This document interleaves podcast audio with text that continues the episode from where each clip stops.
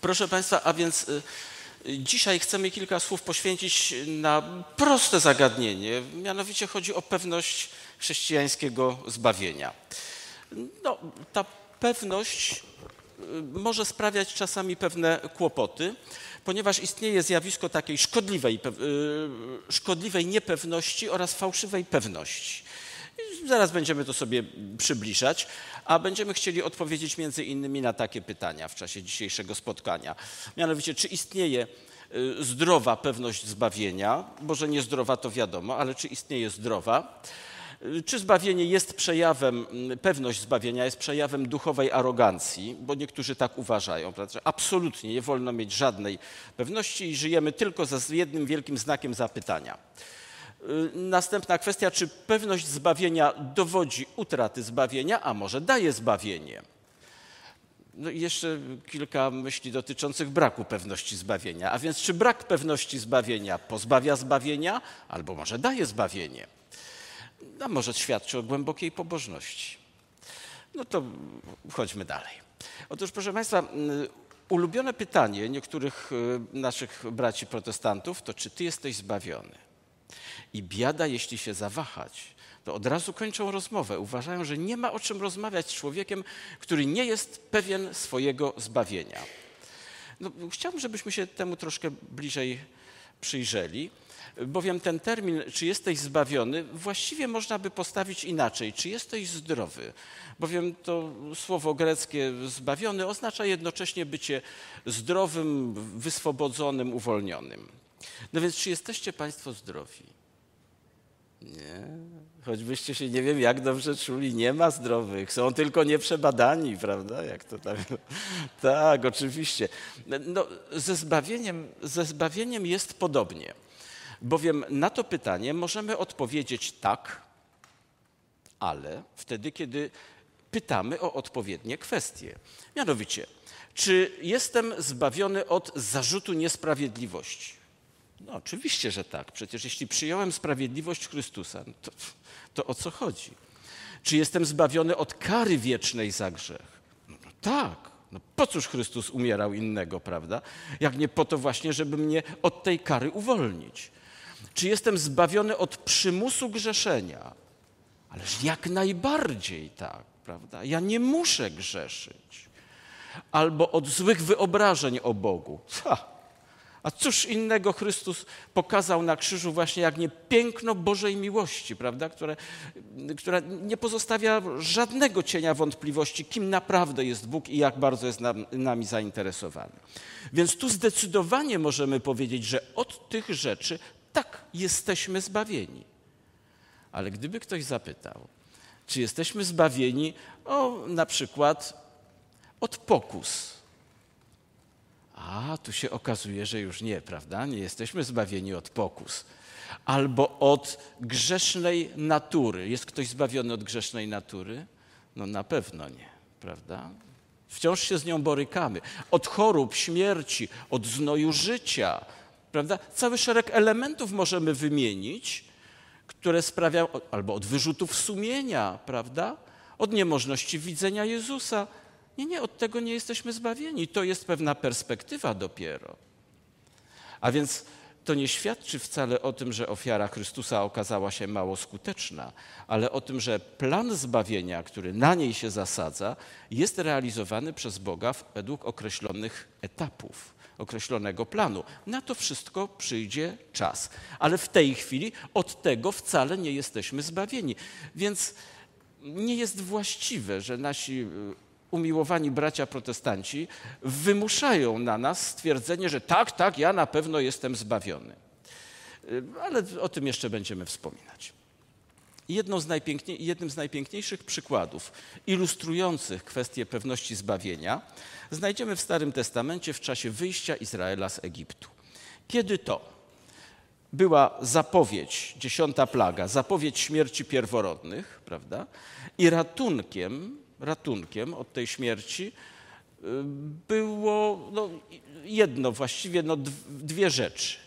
A więc wysmarowanie framug drzwi krwią zabitego baranka I drugi element, co jeszcze trzeba było zrobić? Siedzieć w domu, prawda? Siedzieć w domu, obiada, gdyby ten pierworodny się tam gdzieś wybrał tej nocy. Nic z tego. W związku z tym możemy to w ten sposób zapisać, że ta pewność zbawienia, pewność ratunku zasadzała się na tym, że krew znalazła się na framugach, pierworodny siedział w domu, a kiedy potem trzeba było wyjść, padło hasło, słuchajcie, wychodzimy, no to on wychodził razem z rodziną, prawda? Proste rzeczy. I teraz y, powstaje pytanie, czy y, od stanu emocjonalnego pierworodnych zależało ich zbawienie? Od stanu emocjonalnego, bo możemy sobie wyobrazić, że były domy, w których ten pierworodny, biedny cząs się jak galareta, prawda? Y, ojcu właził na kolana, tata trzymaj mnie mocno, za chwilę północ, prawda? Ja nie przeżyję i tak dalej. I ten diabeł mnie tam... No, być może byli tacy. Ja nie twierdzę, że na pewno. Ale być może i byli tacy, którzy pomimo tego, że tam ojciec dopełnił z tą krwią wszystkiego, czego trzeba, to oni i tak się obawiali. Czy byli, czy uratowali się, czy nie. Oczywiście, jeśli te elementy zaistniały, prawda, jeśli to zostało spełnione, to nie ma znaczenia, czy taki pierworodny, biedny dygotał, czy był zupełnie mm, spokojny. To nie miało żadnego znaczenia. Jego stan emocjonalny. Natomiast znaczenie miała krew baranka, prawda, fundamentalne znaczenie. Więc warto, warto o tym pamiętać, że pewność zbawienia nie zasadza się na tym, co ja czuję. Nie na tym, co ja czuję. Wobec tego chciałbym przytoczyć dwie wypowiedzi. One są znamienne. Zaraz powiem dlaczego. Pierwsza pochodzi. Ach, to, to jeszcze nie te wypowiedzi. To jeszcze nie te wypowiedzi. Przepraszam. Tutaj zanotowałem sobie zanotowałem sobie inną myśl, że ta zdrowa pewność zbawienia, opierająca się na krwi baranka, sprawia, że ja nie muszę odwoływać się do różnych koncepcji tak zwanej drugiej szansy. Proszę Państwa, mnóstwo jest tych koncepcji w świecie chrześcijańskim. Ja tutaj wymieniłem tylko czyściec, prawda? który tak naprawdę jest mm, paskudną ideą, zwodniczą ideą, ponieważ on sprawia, że wierni odkładają kwestię uregulowania swoich stosunków z Bogiem na czas po śmierci. Bo uważają, że potem sobie jeszcze trochę tam odcierpią gdzieś, tam rodzina sypnie groszem, pomodli się i będzie wszystko w porządku. Po śmierci nie można już niczego załatwić. Niczego. Więc no, te osoby mogą się gorzko rozczarować, naprawdę. Ale czyściec to jest taka właśnie koncepcja drugiej szansy, podobnie jak reinkarnacja na przykład, prawda? To też. Czy mm, cały szereg poglądów dotyczących tak zwanej idei pochwycenia Kościoła. To też są wszystko koncepcje, które sprawiają, że po śmierci człowiek jeszcze może poprawić swój wizerunek przed Bogiem. Ale Biblia mówi nie. Postanowiono człowiekowi raz umrzeć, a potem sąd, prawda?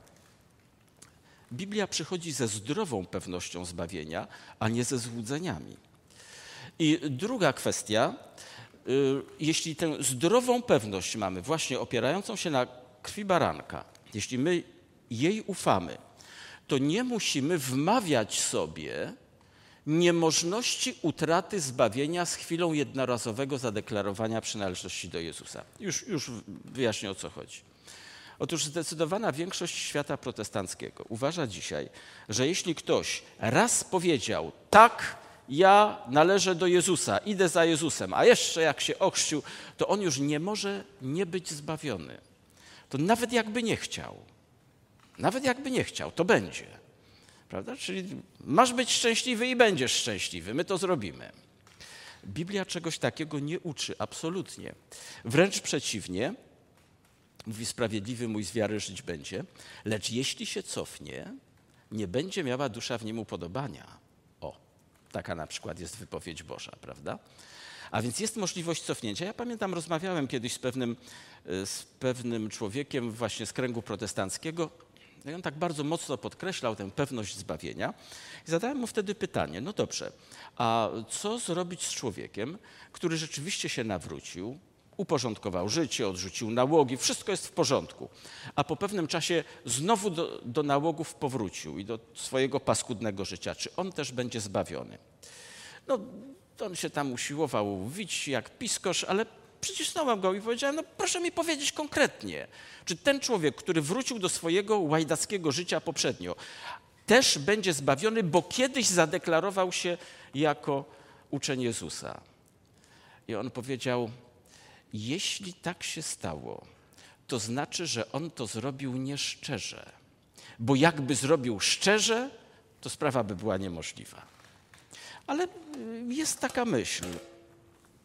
A tam nawet, o właśnie, z drugiego listu do Koryntian, z jedenastego rozdziału. Ja przeczytam, to jest, to jest krótka wypowiedź, kiedy apostoł Paweł pisze tak. Obawiam się jednak, ażeby jak wąż chytrością swoją zwiódł Ewę, tak i myśli wasze nie zostały skażone i nie odwróciły się od szczerego oddania się Chrystusowi. A więc pisze apostoł do swoich braci w Koryncie, prawda? To nie do tam jakichś innych pogan, tylko pisze do zboru w Koryncie i mówi: Ja się o was obawiam, ażeby, jak wąż zwiódł Ewę, tak i myśli wasze nie zostały skażone i nie odwróciły się od szczerego oddania się Chrystusowi. A więc jest możliwe szczere oddanie się Chrystusowi, a następnie wycofanie się z uprzednio zajętej, zajętej pozycji. Więc warto o tym pamiętać, prawda? Dopóki człowiek żyje, to może podjąć różne decyzje, albo za Bogiem, albo wbrew Bogu. Dlatego nie istnieje coś takiego jak pewność od dziś do końca życia. Pewność jest zawsze dziś. Jesteś dziś z Jezusem? Możesz być pewien, to jesteś zbawiony. Jak jutro będziesz z Chrystusem, to też będziesz zbawiony. Ale jak pojutrze nie będziesz z Jezusem, to nie będziesz zbawiony. Prawda? To jest bardzo, bardzo proste. Mm, no dobrze. Wobec tego dwie wypowiedzi, bardzo piękne, bardzo piękne, które powinny umacniać w nas to poczucie pewności. Pierwsza wypowiedź z pierwszego listu do Koryntian, gdzie Paweł pisze, iż dzięki Bogu jesteśmy w Chrystusie Jezusie, który stał się dla nas mądrością od Boga i sprawiedliwością i poświęceniem i odkupieniem. Pisał to do zboru w Koryncie. Jak żył ten zbór? Po dziadowsku prawda? Po dziadowsku. My byśmy ich do naszego zboru nie przyjęli, na pewno. Z tym, co oni zaprezentowali, to na pewno nie. Powiedzielibyśmy, słuchajcie, to jakaś kwarantanna, prawda? Wy pokażecie, że może potraficie żyć po chrześcijańsku, to potem oczywiście przyjmiemy z przyjemnością. Ale w takim stanie nie, nie ma mowy. Jak Paweł pisze do tych ludzi? On pisze, jesteście w Chrystusie. A my wiemy, że nie ma żadnego potępienia dla tych, którzy są w Chrystusie. Prawda? Więc proszę zauważyć, że Paweł, chociaż on piętnował ich tam potem mocno, prawda, i wytykał im różne nieprawości i powiedział, absolutnie to ma być uregulowane, ale nie ośmielił się powiedzieć, że w związku z ich karygodnym życiem, to oni stracili pozycję w Chrystusie. Bo Paweł wiedział, że on nie jest od tego i nikt z nas nie jest od tego, żeby orzekać, kto tę pozycję stracił, a kto nie. Co on pisze do nich jako do braci w Chrystusie. Czyli, że proszę zauważyć, nawet zła praktyka życia nie pozbawia człowieka automatycznie pozycji w Chrystusie. Jest to pocieszające? No, wydaje mi się, że powinno być.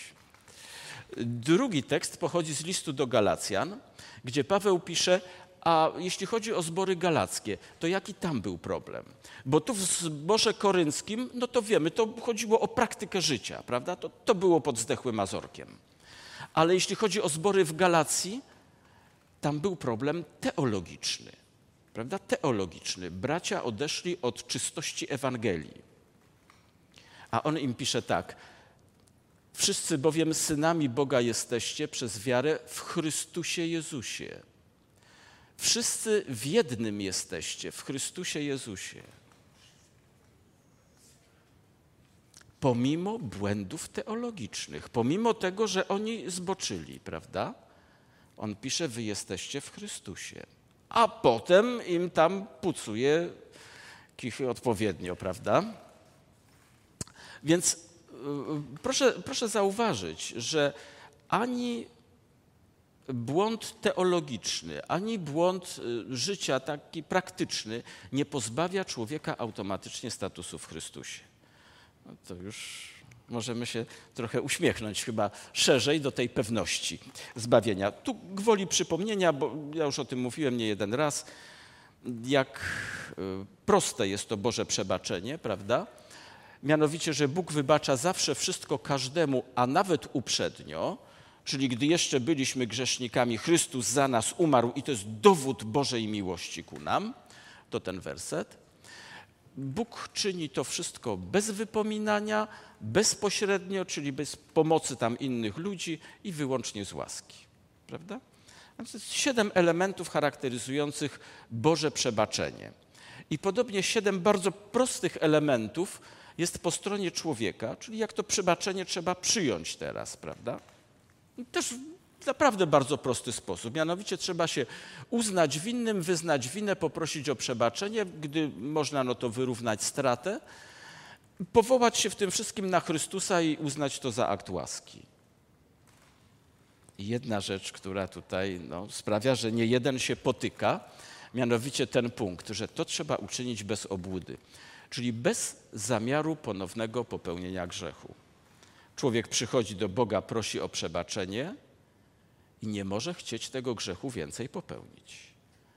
Może powiedzieć Bogu, jak mu jest ciężko, jak go ciągnie do tego, prawda? Jak te pokusy się tam nawarstwiają w tej biednej głowie. Ale zawsze powinien prosić Boże, daj mi siłę, a nie, no to jak jestem taki słaby, a te pokusy takie mocne, to pozwól, to ja sobie jeszcze przez dwa tygodnie pogrzeszę, no a potem to porozmawiamy znowu, prawda? Nie. Czegoś takiego nie ma. To automatycznie pozbawia człowieka możliwości skorzystania z Bożego wybaczenia.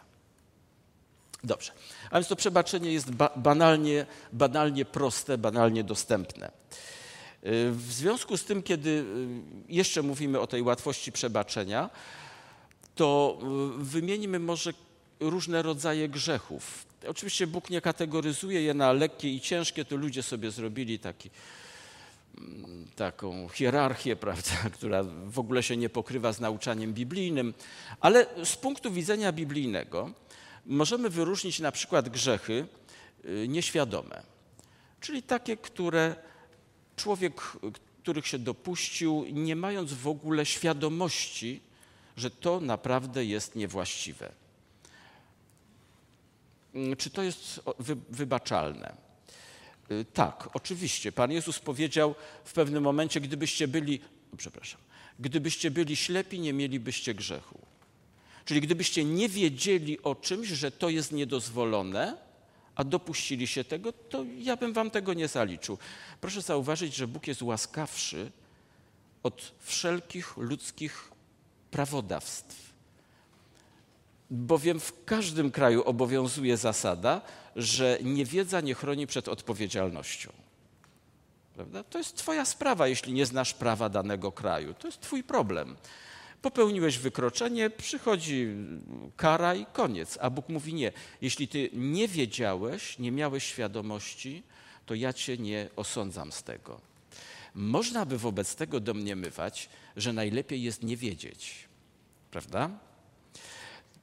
Ja miałem, przypominam sobie kiedyś pewnego pacjenta. No tak się złożyło, że rozmawialiśmy właśnie o tych bożych sprawach i on w pewnej chwili tak mu się uszy postawiły, wyostrzył wzrok i powiedział: Panie, panie, panie, tylko mi pan nie mów, bo ja będę odpowiadał. On to wyczuł doskonale, prawda? O co chodzi? No, owszem, można to zrozumieć, ale proszę Państwa, jeśli my mamy no, jaką taką wiedzę chrześcijańską, to czy jest możliwe, żeby tak podejść do sprawy grzechu? Jeśli my wiemy, że każdy grzech działa destrukcyjnie, prawda, a więc niszczy człowieka, no to myśmy powinni powiedzieć, o, tak jak Dawid powiedział, Ty mi objaw, Panie Boże, co jest nie w porządku, a ja Cię będę prosił wtedy o siłę, Ty mi dasz siłę i ja z tego zrezygnuję. Tak powinny się relacje z Bogiem układać, prawda? A nie tylko mi nie mów, żebym ja nie musiał tam uporządkować sobie życia. A więc to jest kwestia grzechów nieświadomych. Dalej mamy grupę grzechów świadomych przypadkowych, y, które w dawnym przekładzie Biblii Gdańskiej tak pięknie były zwane grzechami z nieobaczenia. A więc ktoś nie planował, nie chciał, no ale się zdarzyło, bo i tutaj mamy cały szereg okoliczności, prawda? Ktoś mnie wkurzył, nacisnął na odcisk, y, coś tam jeszcze innego się stało, no i poniosło mnie i jakieś słowa złe, może jak do rękoczynów doszło. Grzechy przypadkowe, niezamierzone. Czy są wybaczalne? No naturalnie tam wypowiedź z pierwszego listu Janowego, prawda, że jeśli by kto zgrzeszył, to mamy orędownika u Ojca i On jest ubłaganiem za grzechy nasze. No ale mamy jeszcze jedną grupę grzechów, też świadomych, mianowicie grzechy celowe, czyli takie zamierzone, przeprowadzone z premedytacją. Czy one są odpuszczalne? Są, oczywiście i takim jednym z najmocniejszych przykładów jest historia króla Dawida, prawda, który dopuścił się no, nie tylko cudzołóstwa, ale morderstwa, kłamstwa. Tam jest pasmo grzechów i one wszystkie są uczynione z premedytacją. No niestety z premedytacją. Ale kiedy przychodzi refleksja pod wpływem napomnienia yy, dokonanego przez proroka Natana, którego Bóg skierował do króla, kiedy przychodzi u króla refleksja i król mówi tak, zgrzeszyłem, zgrzeszyłem, to ten sam prorok natychmiast komunikuje królowi, Bóg odpuścił winę grzechu Twego. Czyli nawet grzechy świadome, popełnione z premedytacją, są przez Boga wybaczalne. Prawda? Oczywiście na tych warunkach, o których wcześniej mówiliśmy. Uznania się winnym, wyznania, przeproszenia i tak dalej. Prawda? To z powołaniem naturalnie na ofiarę Chrystusa. To jest wszystko wybaczalne. No, jeśli o tym mowa, to trudno jest nie być zbawionym, prawda? To trzeba by się dobrze starać, żeby zrezygnować z takiego pięknego zbawienia. Tak by się mogło wydawać, gdyby nie, no, gdyby nie ten wtręt, czyli grzech przeciwko Duchowi Świętemu, ten jeden, jedyny, nieodpuszczalny grzech.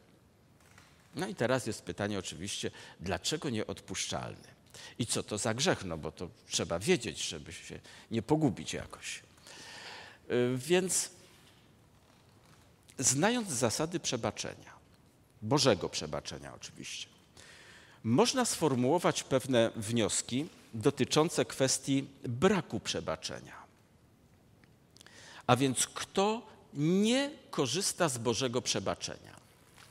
No, przede wszystkim ci, którzy negują taką potrzebę. A więc ludzie, którzy mówią: Panie, ja jestem dobry człowiek. Ja nikomu nic złego w życiu nie zrobiłem. Daj mi Pan święty spokój. Prawda? Są tacy ludzie, może nie jest ich dużo, ale są. To są ci, którzy negują potrzebę. Ja nie potrzebuję.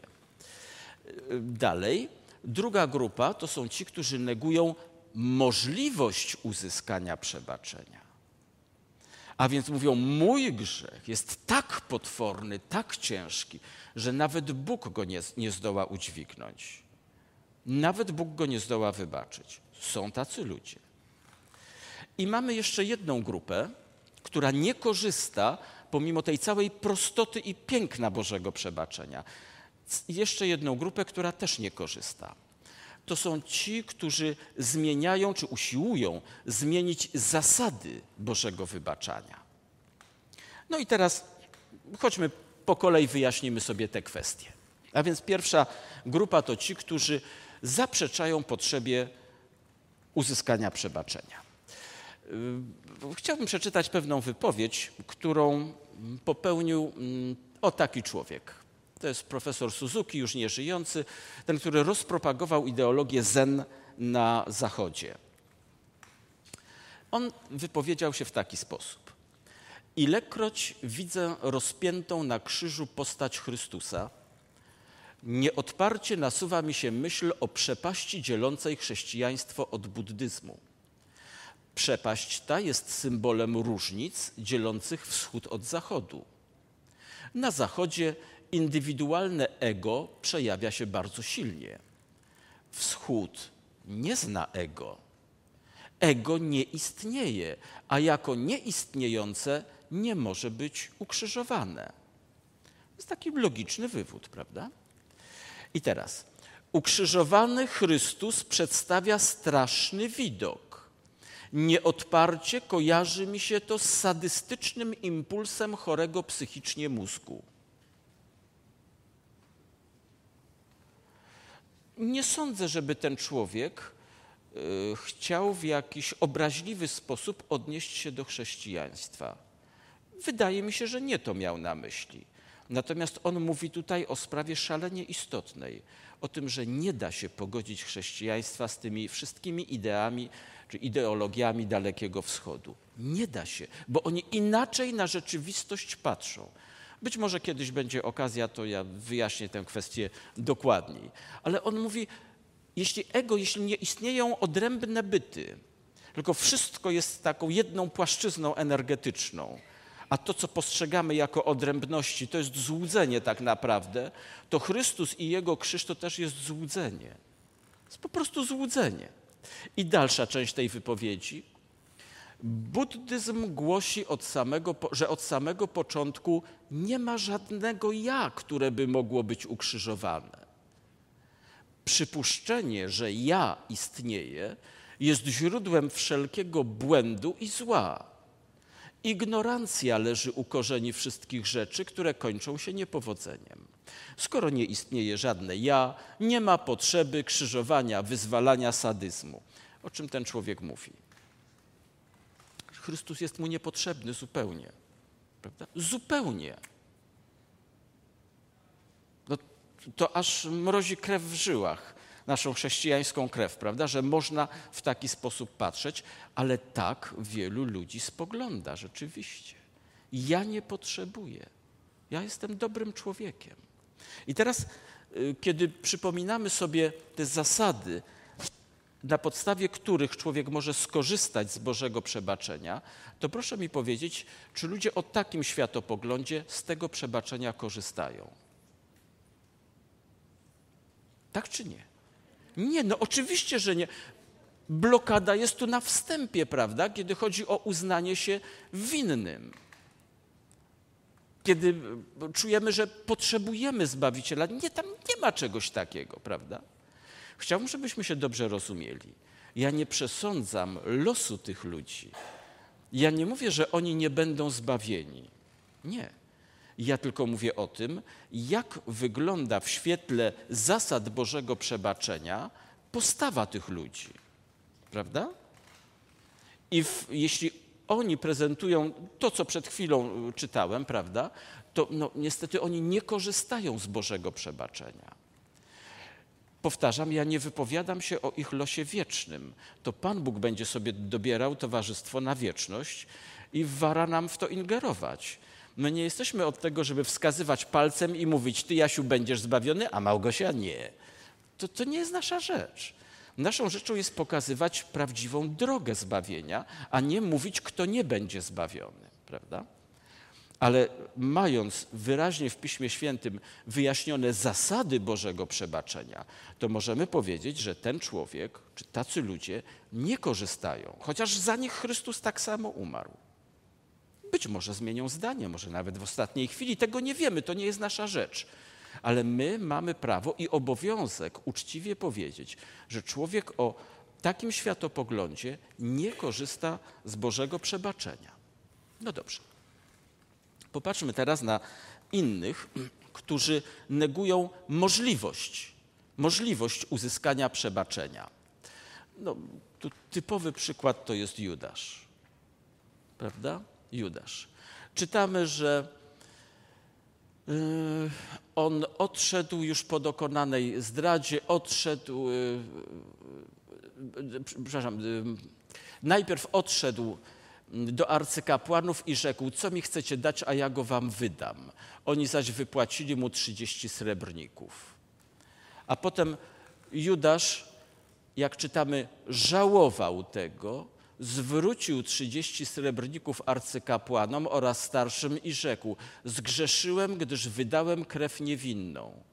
A oni rzekli, cóż nam do tego? Ty patrz swego. Wtedy rzucił srebrniki do świątyni, oddalił się, poszedł i powiesił się. Ocenimy postawę Judasza znów w świetle tych prostych zasad Bożego przebaczenia. Czy u Judasza znajdujemy uznanie się winnym, a wyznanie winy? Tak samo, prawda? Czy znajdziemy o wyrównanie straty? Tak samo, oddaje pieniądze, prawda? Czy on to czyni szczerze, bez obłudy? Jak najbardziej, tak. Czego zabrakło? A właśnie, a dlaczego on nie prosi o wybaczenie? Bo nie wierzy, prawda? Bo y, wprawdzie nie powiedział tego dosłownie, ale słyszymy tutaj echo słów Kaina, prawda? Zbyt wielka jest moja wina, by mi ją można było odpuścić. My byśmy chcieli krzyknąć, Judaszu, nie jest zbyt wielka, prawda? Krzyż Chrystusa nie załamał się pod grzechem żadnego człowieka, więc i twój grzech się tam zmieścił. Ale Judasz w to niestety nie uwierzył, poszedł i sam wymierzył sobie tak zwaną sprawiedliwość. Prawda? A więc typowy przykład człowieka, który nie wierzył w to, że jego winy tak samo mogą być wybaczone jak każdego innego. Czy w związku z tym, a są tacy ludzie, są tacy ludzie. Ja pamiętam pewną panią, z którą miałem przyjemność się spotykać, przed laty studiowaliśmy Biblię, ona się zachwycała Jezusem i Słowem Bożym spisanym też. Tylko każda rozmowa kończyła się tak samo. To jest piękne, ale to nie jest dla mnie. Dlaczego? Gdyby Pan wiedział, co ja mam na sumieniu. Proszę Pani, no nie wiem, co Pani ma na sumieniu, ale ja też mam na sumieniu. No wszyscy mamy na sumieniu. No na, na czym mamy mieć? Na papierze? Prawda? Nie, mówi, proszę pana, no, tam pan to nic. Mówię, a inni? Nie, to, to nic. A Hitler? Ja, Hitler. Mówi, ale żeby pan wiedział, co ja mam na sumieniu. nie wiem co. I y, to było żałosne, naprawdę, żałosne. To wygląda śmiesznie, ale ona się nie dała przekonać. Ja nie wiem, co dalej się z nią stało, ale ona się nie dała przekonać. Ona wciąż uważała, że jej wina jest większa niż Boże miłosierdzie. Teraz proszę, proszę mi odpowiedzieć na pytanie, czy ludzie tego pokroju korzystają z Bożego przebaczenia? Nie. Pomimo tego, że to przebaczenie jest dla nich dostępne, prawda? Jeśli zmienią zdanie, no to amen, chwała Bogu, to skorzystają. Ale dopóki tego nie zrobią, to nie korzystają z Bożego przebaczenia. Jeszcze raz podkreślam, ja nie przesądzam ich losu wiecznego. To nie do mnie należy. Ja tylko mówię, że w danej chwili, kiedy oni taką postawę prezentują, to oni nie korzystają z Bożego wybaczenia. No to chodźmy dalej.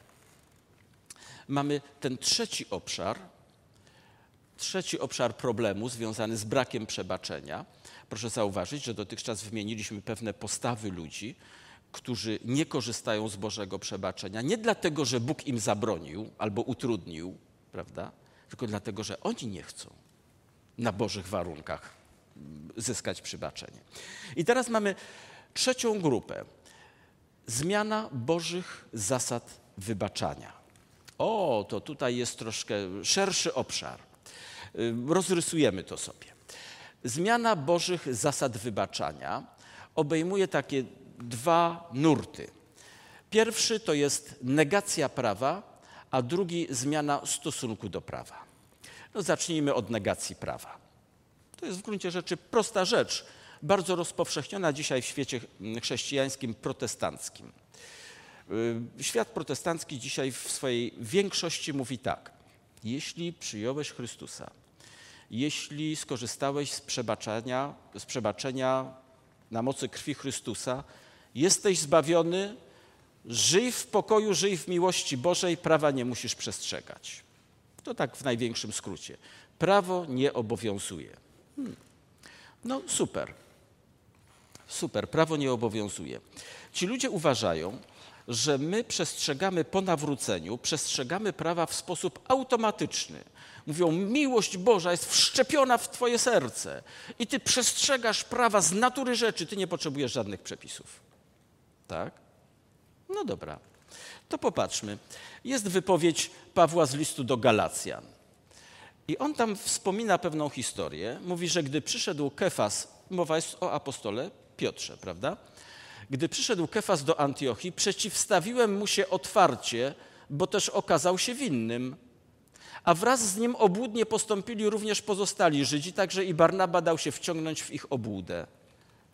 A przepraszam, obłuda jest grzechem czy nie? Aha. A Piotr był nawrócony wtedy, kiedy się to dzieje? O, jeszcze jak nawrócony. Po pięćdziesiątnicy już dawno było, prawda? Daj Boże każdemu, prawda? I co się dzieje? No i mamy obłudne postępowanie, nie tylko Piotra, innych tak samo. Nawrócenie nie chroni człowieka przed możliwością popełnienia grzechu. I wcale nie sprawia, że my automatycznie przestrzegamy prawa i wiemy, co mamy robić. To są jakieś mity, które w świecie chrześcijańskim się zaległy i one sprawiają naprawdę wiele złego. One wiodą ludzi na manowce. Ten tekst już przytaczałem, kiedy Paweł pisze do zboru korynckiego, że obawia się, aby ich myśli nie zostały skażone i nie odwróciły się od szczerego oddania się Chrystusowi. Proszę bardzo. Paweł wcale nie mówi, ach, ponieważ wy tak szczerze zadeklarowaliście się po stronie Chrystusa, to nic wam nie grozi. Wy już automatycznie przestrzegacie prawa. Miłujcie, miłujcie i to wszystko jest. E, miłujcie. Iluż to mężów dzisiaj mówi, że tak kocha żonę, że ją musi co najmniej trzy razy w tygodniu zbić. Z miłości. To mówią szczerze, że to z miłości jest, oczywiście. Prawda? No to byśmy powiedzieli, dziękuję za taką miłość, prawda? Na co mi ona jest potrzebna. Więc to jest nieprawda, że my automatycznie jesteśmy posłuszni Bogu z chwilą nawrócenia. My potrzebujemy uściślenia, co to znaczy miłość, bo my tego nie wiemy. Ilekroć o tym mówię, to przypomina mi się moja ciocia już nieżyjąca, która y, miała taką dobrą znajomą, mieszkały w pobliżu y, i ta y, sąsiadka była cyganką.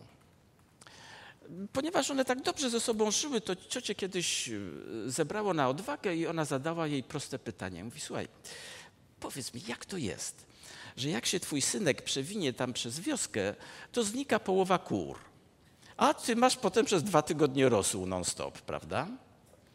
No przecież to jest kradzież, no nie wstyd ci? A ona mówi, jaka kradzież? No mówi, to jak to jaka? No przecież jak pozbiera te kury, no to to jest kradzież, tak? Nie. No jakże nie? No nie, jakby go złapali, to by była kradzież.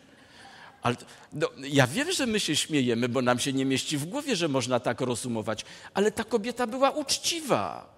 Ona była tak ukształtowana że dopóki go nie złapią, to wszystko jest w porządku. No więc popatrzmy, proszę Państwa, to nieprawda, że my rodzimy się z takim kodeksem, z takim normatywem, albo że po powtórnym narodzeniu, czyli po nowonarodzeniu, to mamy automatycznie wbudowany taki normatyw, że my go święcie przestrzegamy. Nic podobnego. My potrzebujemy dokładnego normatywu, żebyśmy wiedzieli, co to znaczy kochać Boga i co to znaczy kochać bliźniego. Prawda? Niektórzy powiadają, że nie potrzebujemy prawa, bo, to, bo jest napisane, że wszystkie przykazania, nie cudzołóż, nie zabijaj, nie kradnij, nie pożądaj i wszelkie inne w tym słowie się streszczają. Miłuj bliźniego swego jak siebie samego. No super. Bardzo dobrze. No to, to teraz przypomnijmy sobie, jak to było w szkole. W szkole można było czytać albo lektury w oryginale, albo czytać streszczenia. To na czym się lepiej wychodziło? Na streszczeniach? No biada, biada. Na pewno szybciej, ale, ale przecież to jest to tak jakby obedrzeć człowieka ze skóry, prawda? Przeczytać streszczenie. No to jest tam tylko treść jakoś scharakteryzowana, nic więcej, ale całe piękno ulatuje, prawda? Więc oczywiście, że zawsze dążymy do oryginału, prawda? A nie do streszczenia. Jeśli miłuj bliźniego, prawda, jak siebie samego, to jest streszczenie. Dobrze, no pięknie, no to jest tylko streszczenie.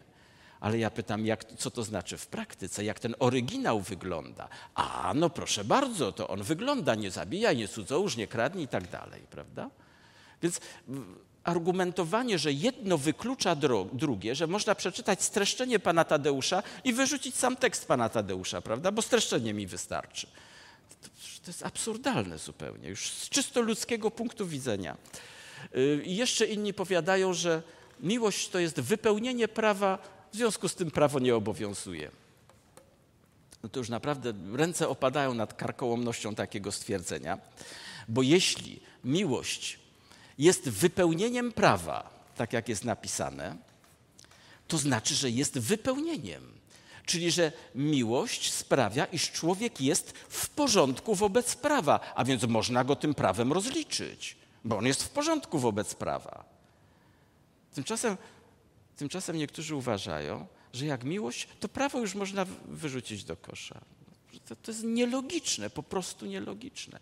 Ale no, tak jest wtedy, kiedy się chce utrzymać pewną swoją linię teologiczną. Wreszcie niektórzy powiadają, że końcem prawa jest Chrystus, prawda? Że końcem prawa jest Chrystus, w związku z tym, jeśli On jest końcem prawa, no to prawo można wyrzucić. Proszę Państwa, to tak jakbym, jakbym w tej chwili zdjął pasek, prawda? Powiedział, końcem paska jest klamra. W związku z tym odcinamy klamrę, prawda? Pasek wyrzucamy i no, ładnie bym wyglądał z samą klamrą, prawda? To już kamera musiałaby obejmować mnie odtąd i nie byłoby możliwości innej. Więc to, że on jest końcem prawa, my doskonale to rozumiemy, bo ktokolwiek chciałby, ktokolwiek usiłował wypełnić prawo sam, to wie, że bez Chrystusa nie da się tego zrobić. Człowiek jest bezsilny. Przede wszystkim dlatego, że jest grzesznikiem z natury i nie, nie potrafi tego zrobić. I dlatego on na koniec przychodzi do Chrystusa i mówi: Panie, już więcej nie mam siły, zrób ze mną coś, co trzeba, prawda, żebym ja naprawdę był posłuszny Twojemu prawu. Dobrze. W związku z tym tak, jeśli byśmy przyjęli tę koncepcję, że od Golgoty, prawda, od śmierci baranka prawo nie obowiązuje, to proszę zauważyć, jakie są konsekwencje tego następstwa. To oznacza, że od Golgoty nie możemy zdefiniować grzechu, bo jak nie ma prawa, to nikt nie może mnie oskarżyć o cokolwiek, prawda? Bo nie ma normatywu. To oznacza, że od Golgoty właśnie nie sposób nikogo oskarżyć, no i tym samym zdefiniować grzechu. A więc grzech staje się nieśmiertelny. On jest, tylko go nie można nazwać. Prawda? No bo ja, Państwo sformułujecie jakiś akt oskarżenia wobec mnie, a ja powiem, przepraszam, nie ma prawa, nikt nie może mi niczego zarzucić, prawda? I dalej robię swoje. A więc to jest unieśmiertelnienie grzechu, ta koncepcja. To oznaczałoby również, że Bóg zmienił pewne zasady, ponieważ świat protestancki jest przeświadczony, przeświadczony, że w Starym Testamencie ludzie byli zbawiani na podstawie swoich uczynków. A w Nowym Testamencie Bóg zrobił woltę, zmienił zasady i teraz zmienia z łaski. To jest oczywiście kompletnie sprzeczne z nauczaniem biblijnym, ale tak wielu naucza dzisiaj. I proszę zauważyć, że przyjęcie tego oznacza, że Bóg zupełnie zmienił zasady rozliczania. A gdyby nam tak przyszło żyć w Starym Testamencie, to co byśmy zrobili, gdybyśmy się o czymś takim dowiedzieli, że Bóg tak zmienił? To byśmy przyszli i stanęli przed Bogiem i powiedzieli: Panie Boże, i to jest sprawiedliwe. I to jest ta Twoja miłość, że Ty tyle pokoleń nas w Starym Testamencie skazałeś na zagładę, bo wiesz, że nie da się tego prawa przestrzegać, prawda? A teraz tym po drugiej stronie osi czasu dałeś łaskę, a na mnie. I Ty jesteś tym litościwym Bogiem, tak? Proszę popatrzeć, w jakim świetle staje Bóg, kiedy przyjąć tę koncepcję, że prawo ulega likwidacji. To jest, to jest katastrofa. To jest woda na młyn diabelskiej ideologii. No i w takim układzie tak naprawdę Chrystus przestaje być potrzebny, bo ja mam taką pewność zbawienia, że ho, ho. Proszę Państwa, mm, ta zmiana stosunku do prawa następny element, bo w tej chwili mówiliśmy o negacji prawa, prawda, że zupełnie niektórzy skreślają. Ale teraz mamy, mamy następną grupę problemów, czyli zmianę stosunku człowieka do prawa. Przyjmuje dwie formy: legalizmu i liberalizmu. Na czym polega legalizm? To w przepiękny sposób ilustruje historia ewangeliczna, mówiąca o tym, jak to dwóch ludzi weszło do świątyni, aby się modlić. Jednym był faryzeusz, drugi celnik. I faryzeusz mówił tak: Boże, dziękuję Ci, że nie jestem jak inni ludzie. Rabusie, oszuści, cudzołożnicy, albo też jak ten oto celnik. Poszczę dwa razy w tygodniu. Daję dziesięcinę z całego mego dorobku. A celnik stanął z daleka i nie śmiał nawet oczu podnieść ku niebu, lecz bił się w pierś swoją, mówiąc: Boże, bądź miłości w mnie grzesznemu. I teraz konkluzja Jezusa. Powiadam wam, ten poszedł usprawiedliwiony do domu swego. O kim jest mowa? Tak, o celniku. Tamten zaś nie, bo każdy, kto siebie wywyższa, będzie poniżony i tak dalej. Niektórzy by mogli powiedzieć, jak to Panie Jezu, to tu taki dobry, bogobojny człowiek, ach, jeszcze jaki hojny, prawda? To bodaj może go trochę zbawić. Tak 75%. No, nie ma czegoś takiego jak kawałek zbawienia, prawda? To jest jak w mechanice kwantowej. To jest system zero-jedynkowy. Nie ma stanów pośrednich, albo zbawiony, albo niezbawiony. I temu dobremu człowiekowi, prawda, Chrystus mówi, że on nie został usprawiedliwiony. W praktyce oznacza to, że ten człowiek poszedł do domu nie mając wybaczonych grzechów nie mając wybaczonych grzechów, prawda? Poszedł bez przebaczenia, a celnik poszedł z przebaczeniem. Legalizm, prawda? Chęć zaimponowania Panu Bogu. Chęć uzyskania zbawienia w zamian za coś, za jakieś swoje wypracowane dobra. No, to już zostawmy. I dlatego między innymi Chrystus powiedział uczniom, jeśli sprawiedliwość wasza nie będzie obfitsza o, niż uczonych w piśmie i faryzeuszy, żadnym sposobem nie wejdziecie do Królestwa Niebios. A dlaczego tak? Ano dlatego, że te dwie grupy, uczeni w piśmie i faryzeusze, prezentowali sprawiedliwość własną, wypracowaną, w pocie czoła, prawda, opartą na własnych uczynkach. A Chrystus powiedział: Nie, tak się nie da wejść do Królestwa Bożego. To nie ta droga. Musicie mieć wyższą sprawiedliwość, prawda? Obfitszą, czyli jaką? Jaką? Chrystusa, oczywiście, prawda? Sprawiedliwość Chrystusa to ona otwiera drzwi. No a my mamy tę sprawiedliwość Chrystusa? No mamy z łaski, prawda? Oczywiście, że mamy. Yy, dobrze. To może jeszcze, jeszcze inna ilustracja tego samego problemu, który tutaj omawiamy. Y, gdybyśmy mieli przedstawić zbawienie jako zespolenie pewnego Bożego dzieła, które my jako ludzie przyjmujemy, no bo to jest element niezbędny, prawda? Trzeba to zbawienie przyjąć. To powiemy tak, to Boże dzieło opiera się na umieszczeniu człowieka w Chrystusie i ofierze Chrystusa na Golgocie prawda? To, to jest gwarancja zbawienia. Jeśli człowiek przyjmuje to wiarą, która jest związana z poddaniem się Jezusowi, prawda? To nie jest tylko ja wierzę, że Ty to zrobiłeś, ale ja wierzę i należę do Ciebie, możesz ze mną zrobić wszystko. O takiej wierze mówimy, prawda? To jeśli człowiek taką wiarą, w pełni, pod, w pełni poddania, przyjmuje to, co Bóg dla niego zrobił, to jest to zbawienie. Zgadza się? Możemy się tak umówić? No to dobrze. Ale niektórzy usiłują mieć lepszą gwarancję i robią tak. Mówią, no to w Chrystusie tak, super, wiemy, Chrystus za mnie umarł, amen, prawda? Ja mam tą wiarę i wszystko poddaję Bogu, oczywiście, ale tu jeszcze mam taką sakieweczkę, taki mały dodatek. To są moje życiowe dokonania, osiągnięcia, prawda? Tak na wszelki wypadek. Jakby się okazało, że tej łaski trochę za mało, bo tych grzechów moich tam się nazbierało, no to wtedy się dorzuci trochę tych uczynków i dojedziemy do zbawienia. Jeszcze inni usiłują zaprezentować wiarę bez poddaństwa. No bo to wiadomo, co mi to Pan Bóg wymyśli, jaki program na życie, prawda?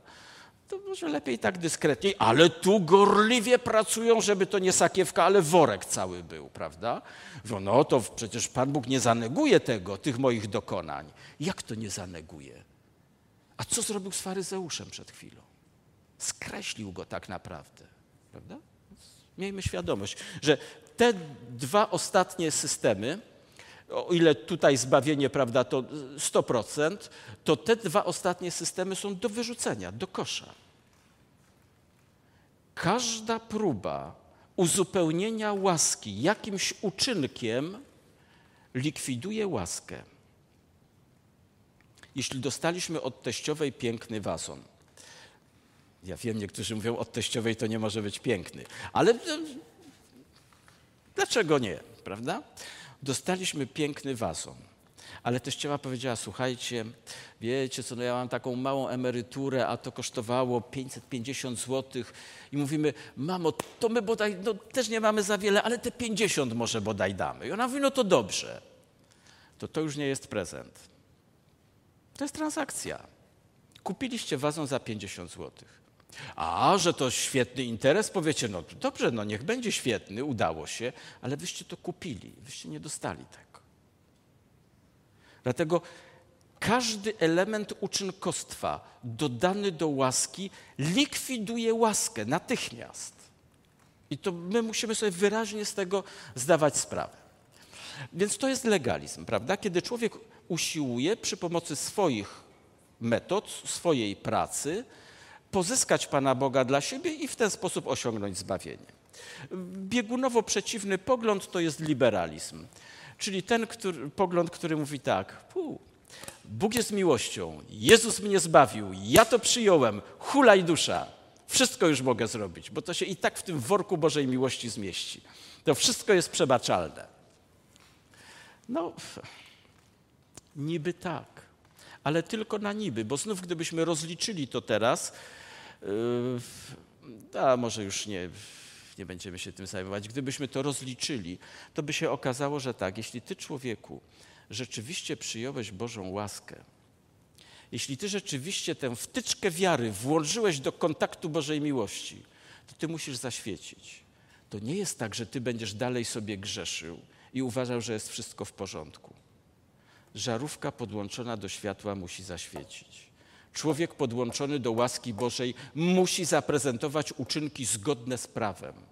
To są Boże uczynki w nim dokonane, to nie jest żadna zasługa, ale one się muszą objawić. Jeśli tego nie ma, to coś szwankuje, a na pewno nie Boża miłość. Na pewno nie, tylko sposób jej przyjęcia. No i właśnie niektórzy by chcieli, o, jeszcze w taki sposób, a więc akceptując dzieło Chrystusa na krzyżu i status człowieka w Chrystusie, mówić tylko o wierze, paplać o wierze, prawda? Tylko wierz, tylko wierz i wszystko będzie w porządku. I to jest ten szalejący dzisiaj w świecie protestanckim głównie liberalizm, który skreślamy łącznie z tymi dwoma formami legalizmu. Nikt nie będzie zbawiony w taki sposób. I to otwarcie musimy, musimy powiedzieć. No więc y, widzimy, że pomimo prostoty wybaczenia, są ludzie, którzy na własne życzenie z tego wybaczenia nie korzystają w różnoraki sposób. I ten grzech przeciwko Duchowi Świętemu to nie jest jakiś jeden określony czyn, prawda? Tam ludobójstwo z pedofilią, z y, homoseksualizmem. Nie. To jest po prostu postawa. To jest rezygnacja z Bożej formy wybaczenia, z Bożej formy wybaczenia, prawda? A więc to nie jest jakiś konkretny czyn, ale stosunek człowieka do Bożej miłości. No i jeszcze jedna kwestia, może na zakończenie. Niektórzy uważają, że grzech przeciwko Duchowi Świętemu to jest grzech y, nieodwracalny. To nie jest prawda. Grzech przeciwko Duchowi Świętemu jest stanem, w, który, w którym człowiek nie korzysta z jakichś powodów, o których mówiliśmy, z Bożego wybaczenia. Ale to nie jest wcale równoznaczne z nieodwracalnością. To nie jest równoznaczne. Tu przypomina mi się taka historia, która się przed wielu, wielu laty zdarzyła na Renie w miejscowości Schaffhausen. Jest taka miejscowość, gdzie o, taka katarakta jest. I tutaj powyżej można sobie pływać łodzią, tam takie spacery są, nawet y, statki tam podpływają. Y, I kiedyś dwóch mężczyzn wybrało się łodzią na taką przejażdżkę, ale nurt zaczął ich spychać coraz bardziej właśnie w stronę, w stronę tej katarakty. I ludzie z brzegu mówili, słuchajcie, zawróćcie, bo to się skończy fatalnie. A oni mówią, nie, nie, nie, my damy radę ale nie dali rady i łódź się wywróciła. I oni już w stronę tego wodospadu tam zmierzali. Wystrzelono wtedy z brzegu linę i powiedziano: Złapcie się tej liny, my was wciągniemy.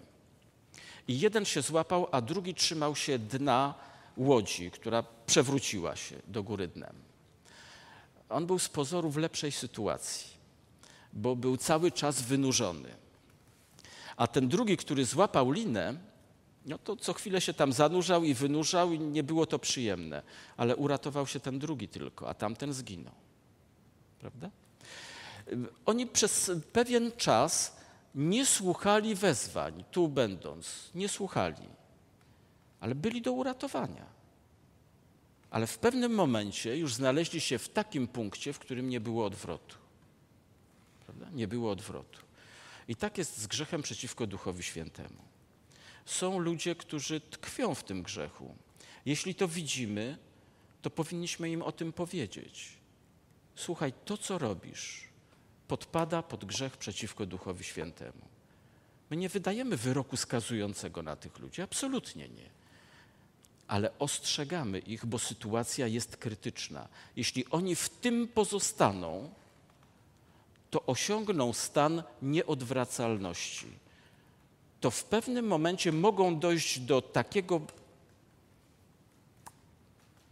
poziomu, spoza którego nie będzie możliwe nawrócenie. I Biblia mówi o takich stanach. Nie jesteśmy w stanie ich rozpoznać. Oczywiście nie potrafimy, nie mamy instrumentów badawczych, ale mamy obowiązek ostrzegać ludzi, że lekceważenie grzechu na pewno skończy się katastrofą. Tutaj nie ma samouzdrowień.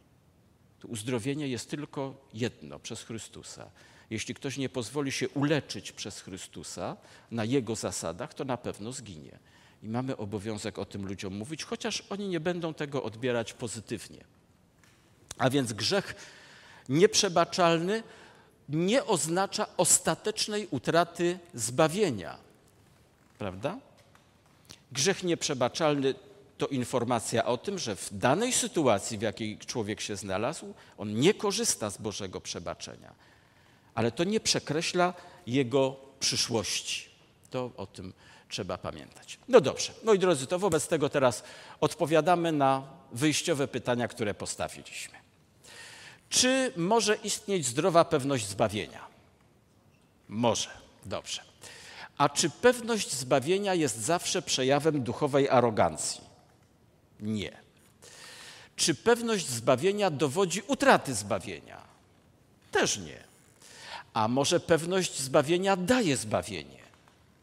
Też nie daje. Oczywiście, to zbawienie daje Chrystus, a nie moja pewność, prawda? Czy brak pewności zbawienia pozbawia zbawienia? Też nie. Czy brak pewności zbawienia daje zbawienie? Nie, naturalnie. No i czy brak pewności zbawienia zawsze świadczy o głębokiej pobożności? Też nie. No, świetnie to wszystko, to wszystko Państwo rozwiązaliście. Widać, że nie było to takie trudne. To może jeszcze wypowiedź siostry White. Nie możemy powiedzieć, jestem bezgrzeszny, dopóki to nikczemne ciało nie zostanie przemienione, ukształtowane na podobieństwo Jego chwalebnego ciała. Jeśli jednak nieustannie staramy się podążać za Jezusem, należy do nas błogosławiona nadzieja stania przed tronem Boga bez zmazy lub skazy lub czegoś w tym rodzaju, zupełnymi w Chrystusie, odzianymi w Jego sprawiedliwość i doskonałość. Podoba się to Państwu? Myślę, że zupełnie spokojnie możemy to przeczytać i powiedzieć: Dziękujemy Ci, Panie Boże. No to podziękujmy Mu. Zapraszam do modlitwy.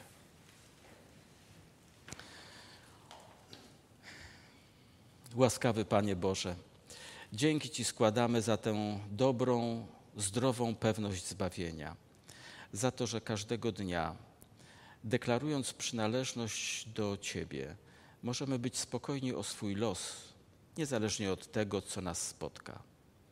Dziękujemy Ci, Panie, że Ty zagwarantowałeś nam zbawienie i chcesz nas do niego szczęśliwie doprowadzić. A my chcemy, Panie, nie utrudniać Ci tego procesu. Trzymaj nas więc mocno w swoich dłoniach. Spraw, żeby Duch Święty zawsze czuwał nad nami i chronił od zła. Prosimy o to w imieniu Jezusa i dziękujemy za wszystko, co uczynisz z nami i dla nas. Amen. Dziękuję serdecznie wszystkim. Jutro, jak Pan Bóg szczęśliwie pozwoli, porozmawiamy sobie nieco o świątyni i jej związkach ze statusem w Chrystusie.